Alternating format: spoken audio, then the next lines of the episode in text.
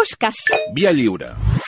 Au village sans prétention, oi, j'ai mauvaise réputation. Ai, ai, ai. Je démène ou je reste Què, quoi execrables? Avui, avui, avui farem sessió. Bueno, Santi Jiménez, bon dia. Bon dia. Montero, Bon dia. Bon dia, Xavier Bundó. Estic molt enfadat, Bundó. Per què, eh? No, amb tu, Bundó, no, amb, amb Botils, Bundó. Després de la publicitat de la setmana passada, Sí. jo m'esperava una botifarra o alguna aquí. Què estàs fent, de Toni Garcia, ara? Sí, de la no. tècnica de Toni Garcia. Home, però és que vaig fer com 10 minuts d'embotis Bundó. Bueno, sí, una i- botifarra, i vas un buny, o sigui, i una et- coseta de res. Et vas fotre tot el que hi havia. Això volia o sigui, el fuet, les botifarres, el bull... Començaria a la- dir que no estava tan bo, eh? Sí. Eh, podríem fer el, el, el duel entre el, el, el senyor aquest que guanya sempre el concurs de calçots? Sí, senyor. Perquè aquest és, és el gran desafió. Escolta'm, tu, Això tu podria una... t'enfrontaries al senyor que guanya els calçots sempre? Cap problema. és, és, és Rumble in the Jungle, eh?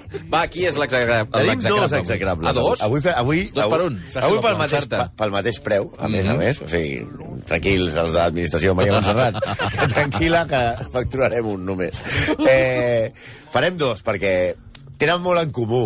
Ah, sí? Són dos pirates franquistes. Ah, oh. Però... I pactaven amb tothom. I pactaven amb tothom. Però, clar, demà què hi ha? Demà nervis, perquè hi ha el clàssic, no? Sí, Madrid-Barça. Avui... Ah, que és algú de l'entorn del Madrid. del Madrid. Un, un és del Madrid, Ui, perquè ui, volia ui. fer... Clar, volíem fer un esment eh, a, als presidents d'abans, els bons, els de veritat. Els dels 80. A, a, exacte, els Jesús, tipus Jesús Gil, no? O sigui, eh, un tipus, per exemple, que, que va fer unes declaracions a, al diari AS en el que apareix el nostre home, que és Don Ramon Mendoza Fontela, que eh, sortia perquè havia convocat eleccions i deia Don Ramon, más chulo que un ocho. Perquè, clar, No, podem- sense samarreta. sí, sí. sense samarreta en el, en, el, en el vaixell, allà, el tio, perquè el vaixell el tenia a Mallorca. D'aquí és on pillarem el següent personatge, que serà Ahà. Juan Marc, el último pirata del Mediterráneo. De fet, eh, eh, era un tipus que eh, ens retrotava una època en el que el futbol era meravellós i no hi havia aquestes coses de, de, de i tres ventures ni res d'això perquè els presidents realment tenien un parell de pebrons i ho deien tota la cara. O sigui, pensem que Mendoza, Ramon Mendoza, president del Madrid, per exemple, és el primer eh, empresari espanyol que va eh, establir contacte comercial amb la Unió Soviètica. Oh. I, eh, i va fer servir la seva influència, o sigui, ell, ell estava molt ben connectat amb el règim franquista, però amb la passionària, també. Sigui, Ah, sí? sí eh, Amb la passionària? Sí, sí, la, la passionària, que és la Dolores Ibarruri. Sí. Si no ho dic perquè hi ha gent que es pensarà que és una oruga dels pins. No, No, no, això és processionària. Sí, sí, bueno, però això... Sí, era un tio que realment, si tu... Oh, ara acabo de veure la portada, eh? Efectivament, Magnífica. sense samarreta. I, això, perdona, que és un caça, que és un caça papallones o, un, o una cosa per pescar o una, sí, una mena de... Sí, deu ser una cosa per, per Una pescar. cosa d'aquestes, sí, una mena de xarxa... Sí, sí. sí. Perdó. Oh, oh, eh, oh, oh, oh. S'ha de dir que, uh, encara que siguis molt del Barça, Ramon Mendoza mm. és un tio que tendia a caure bé. Sí. Sí, no? Sí, sí no, no, no és eh, Florentino Pérez, No, ni, no era ni o sigui, era un senyor amb un do de gens que pactaven tots, molt simpàtic, el típic, el típic madrileny aquest, amb molta gràcia. A més a més, el tio tenia l'hipòdromo, la quadra Mendoza, no? I la llotja, sí, tenia dos llotges. El Florentino només té una, la del Bernabéu. Ell tenia l'hipòdromo de la Zarzuela i, i el Bernabéu, no? Ell pactava amb tots els rics i poderosos del país. Avui tindria, per entendre'ns, el, el monopoli de les mascaretes. Però aneu al tanto... El monopoli de les mascaretes. De les mascaretes. Ah, de- clar, no, clar, cap- evidentment. no tinc cap dubte. Eh. Les hauria comprat totes. Totes, totes serien d'ell, no?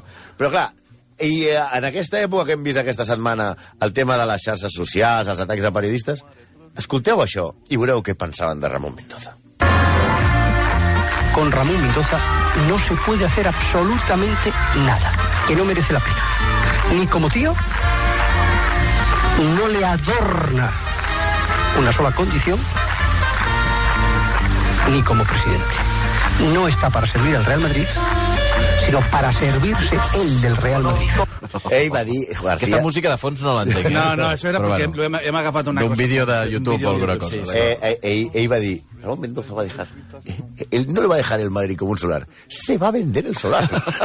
Sí, S'ha de dir que aquí hi ha un joc de paraules perquè diu Adorna, perquè era una polèmica amb Dorna, l'empresa que Ah, sí? portava sí, el, el dret de publicitat del, del Bernabéu. I ara els presidents tenen el valor de queixar-se de la premsa. Sí, sí, sí. per Res a veure amb l'època García. No, eh? imagina't. Veu? Però què, què va respondre Mendoza? Profeta de la radio, que me manden a su hermana. Viejo, baboso, caduco, trasnochado.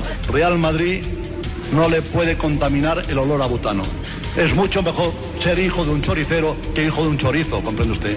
Ostres! Ahí está, amb una assemblea de socis, Això, eh? perdó. Sí, sí, això Que me a una traigan- assemblea de socis, eh? Que me traigan a su hermana. Estem bojos o què?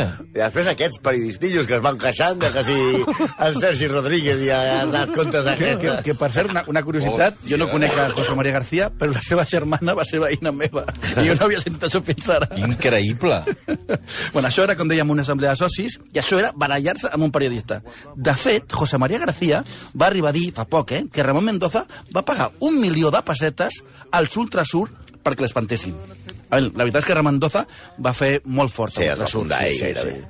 A mi, de fet, m'espantaria, eh, la veritat. Sí, perquè a- això, això- Ultrasur, Ah, sí, sí, sí, teu. Sí, clar, això sí que uh, això sí que espanta i no la... Uh, uh, és que, clar, hi ha periodistes que ara s'espanten per tot. perquè hi ha un tio a Twitter que li diu "Ei, ets no sé què, tal, no sé, titelles i coses així. Abans esperaven els morenos i els ultrasur al pàrquing. Vull dir, això... Clar, és que estem parlant d'un tio, el Ramon Mendoza, que evidentment era fatxa, finalment no poder, però que feia... Eh, eh, negocis amb la URSS. I això va generar, a, a l'època de transició, als- al 1978, una gran polèmica que va ser eh, tremenda en aquella època a Espanya, que és la revista Cambio 16, que venia Sí. mogollón aleshores, Sí. va publicar que Ramon Mendoza era un agent del KGB Sí, a home. Espanya. Va, va, juro, va. Va, va, va. Sí, El representant a Espanya. sí, sí, el, O sigui, el màxim Sí. membre Ah, del sí. KGB a Espanya. Putin i Ramon Mendoza. Vull dir, I eh, Mendoza Oh. els va denunciar, van anar als jutjats i va fer que segrestessin la revista. És a dir, a, a, no es podia vendre, els jutges van clausurar-la, no? Això es podien fer abans. A- Ara, ara no es pot posar segrestar Twitter, no? L'assumpte va acabar amb una reunió a porta tancada entre Mendoza i, a, i els germans que dirigien Canvio 16. Però uh, això no és tot. En relació amb les relacions seves amb Europa de l'Est, Sí. hi ha una anècdota que té a veure amb un dels moments més durs del Barça. Un fake news abans d'internet. A veure, anem a recordar moments tristos i Ahir. ab abans de, de demà. Final de Copa d'Europa a Sevilla, No cal. eh, este Agua de Bucarest, No cau.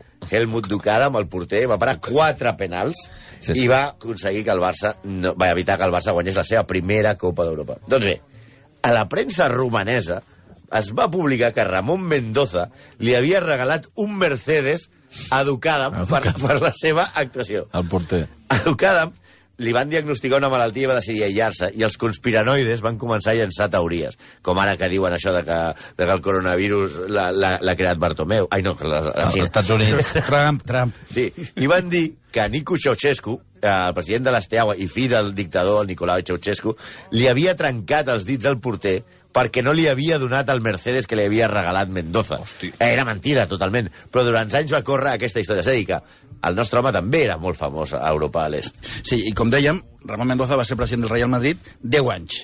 10 anys, 10 anys de guerres, eh, guerres internes, dimissions... Saps que em sembla poc? 10 anys. Sí, perquè, perquè tinc la sensació una mica com... El meu cap era una mica com Núñez, Com Núñez. Eh, que va estar 20 i Però Núñez pico. va coincidir. Núñez va estar de Carlos, Mendoza eh, i Lorenzo Sanz. Ah, d'acord, d'acord. Núñez es va menjar tres. Sí, i tot el que feia Mendoza, també Núñez, eh, era un show. 10 anys... Però amb gràcia. 10 anys en els quals va tenir una ratxa gloriosa amb la quinta del buitre, molt famosa, que van ser 5 lligues eh, consecutives, em sembla que són dos copes del rei, bueno, l'Aleix. Fins que Cruyff li va arruïnar la festa, va deixar el club en un deute descomunal. Sí, penseu, el, el, una de les qüestions... Si Núñez era tot contenció i aquest catalanet, aquesta catalanó de no gastar, Mendoza era... Tranqui, que esto lo pago yo. Eh, això que el tio no es gastava un duro amb tabac, eh? Sí, eh, era famós perquè fumava molt però no comprava. Però no comprava. Però això és, és aquella frase de Núñez que deia mentre algunos iban de mariscada, comíamos era- arengadas, exacte. no? Perquè, per exemple, quan va arribar Lorenzo Sanz al club, el, el, la, la Junta, i va sortir, eh, van fer una auditoria. Van aixecar les catifes, eh? I van anar a fer una cosa tan normal com anar a la sala de trofeus i comptar les copes. Home, I van dir, hòstia, falta una. Una què? Una copa? Un colombino. Un trofeu colombino. No fotis. Sabeu el colombino? Perquè us feu una idea, no sé si el teniu al cap. El colombino és un torneig que existiu, molt famós abans, Sí. encara es juga, però que es jugava a Huelva. Sí. Eh, i Era dels més famosos dels tornejos d'estiu, no? I el trofeu eh, eh, és un trofeu que és una putada si el guanyes. Perquè molt gran. És una, una reproducció en plata de la Carabela Santa Maria eh, i pesa tranquil·lament 40 quilos. És aquell que han d'aixecar-lo entre tres. Bueno, i van dir, hòstia, falta el colombino del, del 87. Ah, colombino, colombino. ¿Dónde está el colombino? I van començar, i van començar a mirar. I on estava el colombino? Ai. A casa de la seva nòvia, de la No. nòvia de Ramon Mendoza. Que No. no. havia... La nòvia de Mendoza era una senyora molt important que es deia Janit Girot, que, va deixar, que estava casada amb el marquès de Grinyón, esta és la parte rosa de los execrables, Ostres. i se'n va anar amb Ramon Mendoza. I Ramon Mendoza, per lligar-se-la, un dia li va dir... Tiene un barquito. Dice, estaban allá manjant gambas, gambas de Huelva y me di, si ganamos esta noche al Botafogo, te llevas tú el trofeo a casa. I, I ella va dir, hòstia, una carabela de plata que, deu, que, devia, que això deu valdre un pastor immens. Això sí. I el tenia jo de centre de taula, jo per rebre els convidats. Tampoc va Però és ajudar... tot de plata? Sí, sí. El, re, el recre es gasta aquest pastizal cada cop que ha la la copa? Diputació, sempre. Ja, ja. A veure, a veure, eh, tu què creus? Sí, Ja, ja. el recreativo de Huelva paga el gol. És com... Ja saps que va preguntar el pare de I els, Sabina quan concerts, i moria, els no? concerts de Sabina, que feia gaire, també es pagava. El pare de Sabina va dir de què viven les diputaciones, les diputaciones provinciales. Bueno, tampoc va ajudar el seu col·lega amb els jugadors, perquè Mendoza era un mes de la quinta del buitre, els que renovava cada any. Eren el club dels 100 milions de fitxa. Però a quin president se li pot ocórrer renovar les seves estrelles cada any? Un, dos, tres, respondré. Presidents que renoven a la seva estrella cada sis mesos. Tic-tac, Tic-tac, tic-tac. Presidents que renoven a un titi. Tic-tac, tic-tac, tic-tac. Presidents que renoven a Luis Suárez. Tic-tac, tic-tac. També, també, també es diu que un dels seus màxims errors va ser destituir Antic quan anava el primer a la Lliga i acabava de proclamar-se campió d'hivern. Però quin president faria una bogeria semblant? A veure, quin president destituiria Campió d'hivern, quan va primer? la Lliga Tic-tac, tic-tac, i destituir el president? Això, això, menys mal que els temps han canviat, eh? Menys mal! El que passa és que Mendoza tenia bastanta gràcia. Però Mendoza, a, a veure, passa, era, és un representant d'aquesta època. Aquesta és, aquesta és la introducció que hem fet de la primera, la primera pel·lícula, que és Un pirata del futbol, que a més a més estiuejava a, a Mallorca perquè tenia un vaixell immens i ell sempre anava al vaixell, no? Eh, de fet, eh, va morir vaixell. Mendoza mor amb un iot. Sí, En quines circumstàncies? En Assau. a, amb el màstil ben amunt. Però és que m'ho ha dit algú a través de Twitter, deia el Mendoza va ser el que es va morir amb una dosi considerable de... De, sí, a un Viagra. de. Viagra? Eh, jo vaig veure la seva esquela al, al, al País I era una foto de i, campanya. què? i és el resum perfecte d'una vida. Ramon Mendoza Fontela, Madrid 1936, les Bahamas, no, no recordo l'any que era, i dius, home, sí senyor, si t'has de morir, si t'has d'anar, vés-te'n a lo grande amb el pabellón henchido i a les Bahamas i tira que te va. Bueno, Pabellón henchido. ara anem a, a tot. Són molt desagradables. Sí. I parlant de pirates, ara anem al, al que anàvem a fer abans de donar-nos compte que demà era un clàssic. Anem a fotre-li a un eh, milionari absolut, un home que va creat una de les fundacions més importants, que ha fet més per la cultura a Espanya, un home fet si mateix des de Mallorca, que és un home que va ser un home dels més rics del món a la seva època. Un home que es feia ric. I com es fan rics la gent, normalment? Pues, normalment sent fill de rics o aprofitant-se de les guerres. I aquest és el cas del nostre home, que va conspirar contra els seus enemics, també contra els seus aliats, perquè era un traficant que traficava amb els dos bàndols, que no contractava empreses perquè, per, que contractava empreses perquè parlessin bé d'ell, Eh, de fet, el que feia era comprar els diaris directament. No és un d'aquests que es trucava al director i deia oye, que me podéis decir... No, ni, ni, ni una empresa perquè parles de tu a Twitter. Es comprava el diari i punt. es comprava el diari i, i si necessitava comprar tres diaris, i com veurem, comprava tres diaris. Un home que va ser diputat diverses vegades, visca la democràcia, que va crear un banc, va fundar algunes de les empreses més importants d'Espanya, però també un home que va pagar l'alçament franquista, o sigui, el que va pagar el cop d'estat, que va tenir amistats nazis i que al fins i tot se l'ha vinculat amb un homicidi. Avui li buidem els vaixells a l'último pirata del Mediterrani. El deien així, li deien així? Sí, senyor. Cambodja, Més conegut com Juan Alberto Marc Ordinas. Simplement conegut com Juan Marc.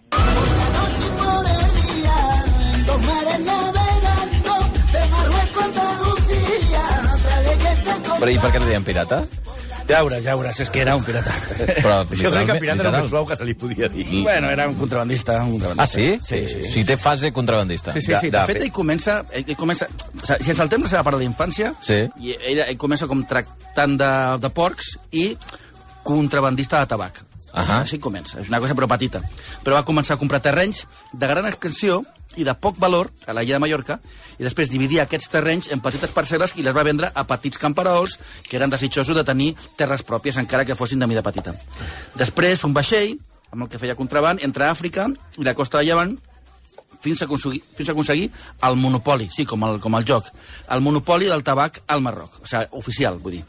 Després, electricitat, tramvies, vaja, la cosa anava bé. Però anem encara a la part mitjana de la taula. Sí, ell després de comprar totes les terres aquestes i, i arrendar-les a petits propietaris i fer els seus trapitxeos a, a, portant tabac a Marroc i tal, ell el que munta és una nàvia i tenia molts vaixells, o toe vaixells, que feia molt que no dèiem la paraula.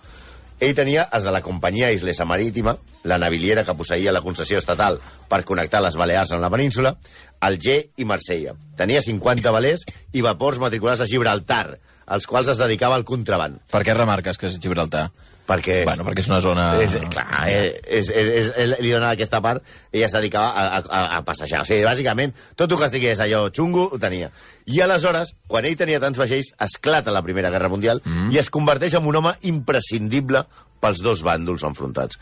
Contrabandista, amb un país neutral, amb molts vaixells, doncs home, ell es va dedicar, per una banda, a subministrar combustible i lubricants que deia que comprava per la seva navillera als vaixells alemans i austríacs, que tot i que Àustria no tenia mar, tenia marina perquè era l'imperi austrohúngar. sí, ja, però el van enxampar els aliats. I què va fer ell? Va dir, bueno, si me lo hace bien, yo también les hago un precio a ustedes i així, i va començar a negociar amb les dues bandes. Oh, oh, oh. La cosa és curiosa, perquè tot això ho feia des d'una finca, tot aquest, aquest, eh, aquests xanxullos, des d'una finca que tenia a la illa de Cabrera. Uh -huh. I això de Cabrera va cabrejar a Winston Churchill. És terrible. Com a, com a broma, eh, és espantosa. No, era una literació, no una, no una broma. I va, va cabrejar a... I a si hagués anat Mendoza s'hagués posat com una cabra. Vinga. No, això de Cabrera va emprenyar Winston Churchill, que què va fer? Expropiar la finca? No, va expropiar la illa. Què vols dir que... que la illa mai ha estat... Amb... Això era una família que es deia eh, Feliu de Cabrera, no era de Marc, era d'uns senyors que tenien la illa, i com que aquí estaven fent con contraband, Winston Churchill va decidir que es quedava a la illa i després ja ha estat a l'estat per sempre. O sigui, aquesta família va estar Era una illa privada. li litigant anys i anys per recuperar la seva illa, que li havia tret Winston Churchill i ja... Sí, però clar, ell no només traficava amb combustible. Uh, era una època de molta pobresa a, a Espanya i a, i, a, i a les Illes Balears no havia arribat el turisme ni l'explosió aquesta econòmica que ha fet una, una, una de les zones més riques, però la gent tenia, tenia molta, passava molta fam i moltes penalitats. A veure, i tots, el, tots els, els que viures i els aliments que hi havia a la illa no veien res, perquè se'ls quedava tot Juan Marc i els port, el blat el portava a França. A Llevant carregava arròs i farina per, per portar al port de Palma. Però es desviaven i els venien per Europa perquè, feia tra perquè traficava i feia estraper-lo, mercat negre, amb les potències tan aliades com les potències de l'eix. Això subornava funcionaris que declaraven productes de lliure exportació, però portaven mongetes, arròs, farina, llaunes d'oli, sucre, és a dir, que ell veia com al seu poble es moria la gent de gana, però ell cada cop era més ric. No ric, no, escarosament ric. Sí, sí, però arriben alguns problemes de reputació, perquè era l'home més important de la illa, que, entre, entre altres coses, havia creat ja Transmediterrània amb altres socis. I quan esclata la revolta, per desproveïment, clar, la, la gent es comença a queixar, la gent diu, "Sí, aquí no hi ha res per menjar, ell fa unes declaracions i diu Cuanto de mí se ha dicho con el asunto de las subsistencias es completamente falso. És a dir, jo, comptes falses a Twitter, jo, Jo tenia una cotxera i el cotxe, però no sabia de quién era. Aleshores, els negocis li comencen a anar encara millor. Entren al negoci del petroli i el 1919 obté una pròrroga del monopoli del tabac gràcies a les gestions del govern espanyol. Però comença, evidentment, a tenir eh, enemics. La companyia arrendatària de tabacos quedava perjudicada i Cambó, que era el ministre d'Indústria, s'enfronta a ell. I és Cambó el que li posa el mote de el último pirata del Mediterrani. Ah, o sigui que no és això d'una cosa que- li diu Cambó. Li diu Francesc Cambó. Però és que, a més, ell li ven armes...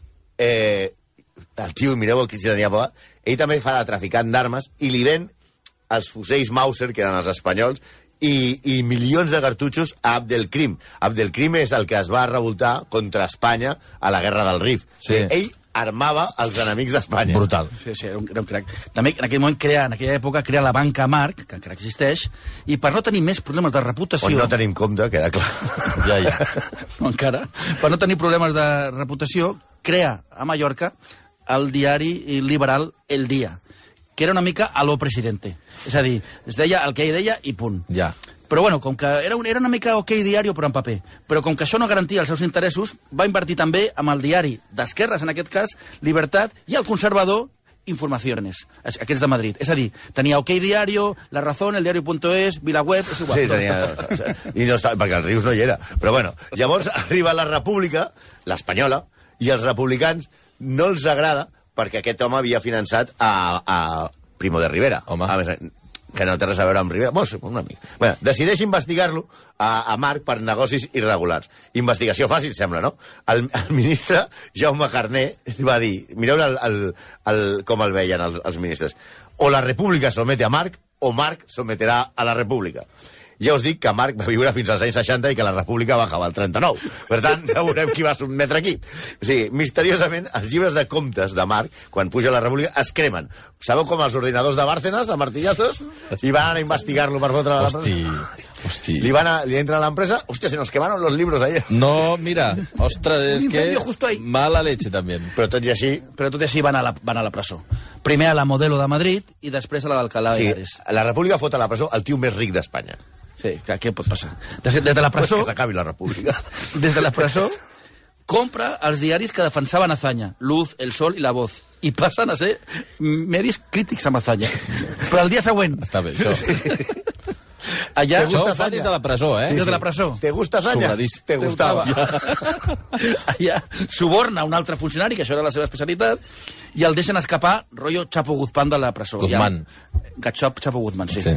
I, i aleshores, en cotxe, ell va des d'Alcalá de Henares fins Però el deixen escapar, què vols dir, el deixen escapar? Que obren la porta. les portes, no senyor. Miro, no miro.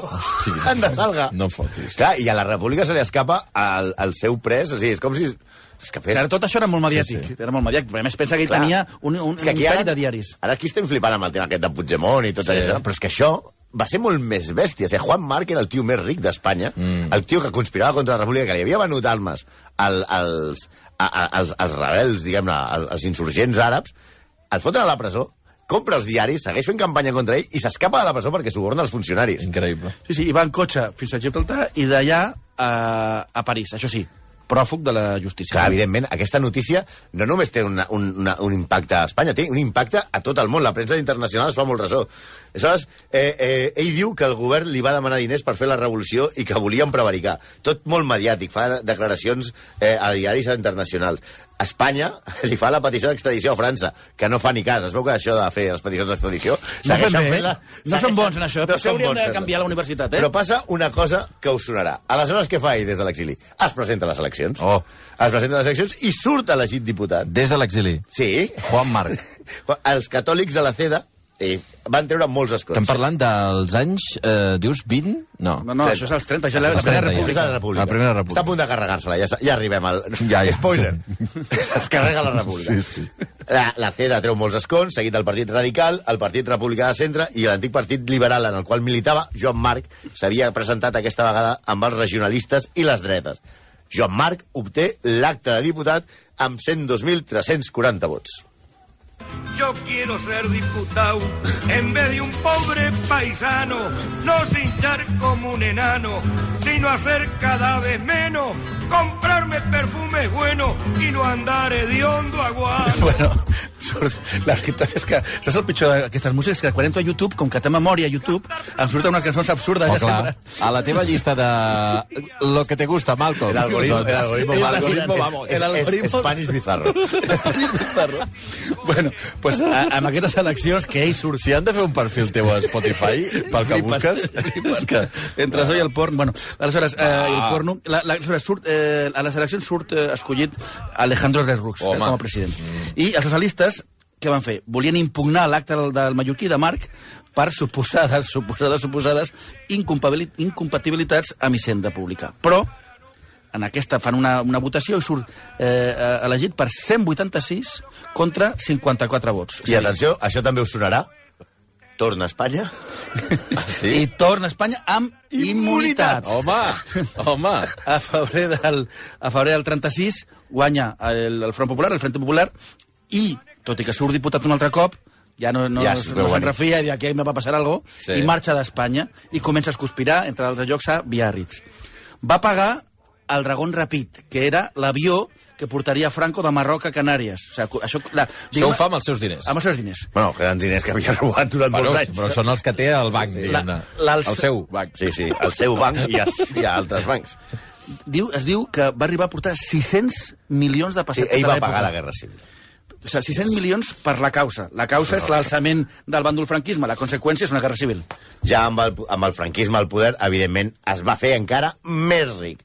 Però no estava còmode. Diuen que fins i tot li va dir a Franco no te metas en mis asuntos. O sea, era l'únic que collonia Franco, Hosti, realment. Alguns escàndols, per exemple, quan Fexa, Fexa també era de Juan Marc, per I cert, Transmediterrània, Fexa i seguim, eh? es va quedar en subhasta per gairebé res l'empresa de Barcelona Traction i això el va omplir de demandes estrangeres. Va guanyar el judici post-mortem, però sempre eh, era conegut per tot arreu, era el banquero de Franco. Si és que això és tot magnífic, és, és el monopoli. Banco, càrcel, eh, viaje, compro, vendo... Tot seu. I per acabar, per acabar, es diu que Marc va subornar amb diners eh, britànics a ministres eh, franquistes per tal de que no entressin en la Segona Guerra- Guerra Mundial Perquè amb els alemanys. Que li anava ben vell. Que és un país... Eh... No, bueno, ell, jo crec que... Perquè, espera, o sigui, els anglesos li paguen pasta, aquí també Churchill un altre cop, li, li, li, en aquest cas li paguen pasta perquè no volen que Espanya entri. 10 milions de dòlars que que es deien en, en clau, en secret, la cavalleria de Sant Jordi. Ah, sí? No se sap, no se sap exactament què va passar. El que se sap segur és que també era íntim amic del, del màxim res, responsable de la intel·ligència alemanya. És a dir, estava pagat pels anglesos, Increïble. però era amic dels nazis. Mai sabem si va cobrar d'un o dos dels dos bàndols, però tot apunta a que va cobrar tot I sí, arreu. per si faltava alguna per acabar, també es diu que de jove, el 1916, va manar que matessin a l'amant de la seva dona. El també contrabandista del seu poble, Rafael Garau. Aquell poble devia ser... No, Santa Margarida no, Santa Margarida, encara que hi ha les dues famílies, Sí. hi ha polèmiques, però si hi ha una, car- un carrer que es diu Marc, aquest va, matar el meu besavi... Sí, ho, tenia, ho tenia tot. Almenys, a- com a mínim no va ser president de cap club de futbol.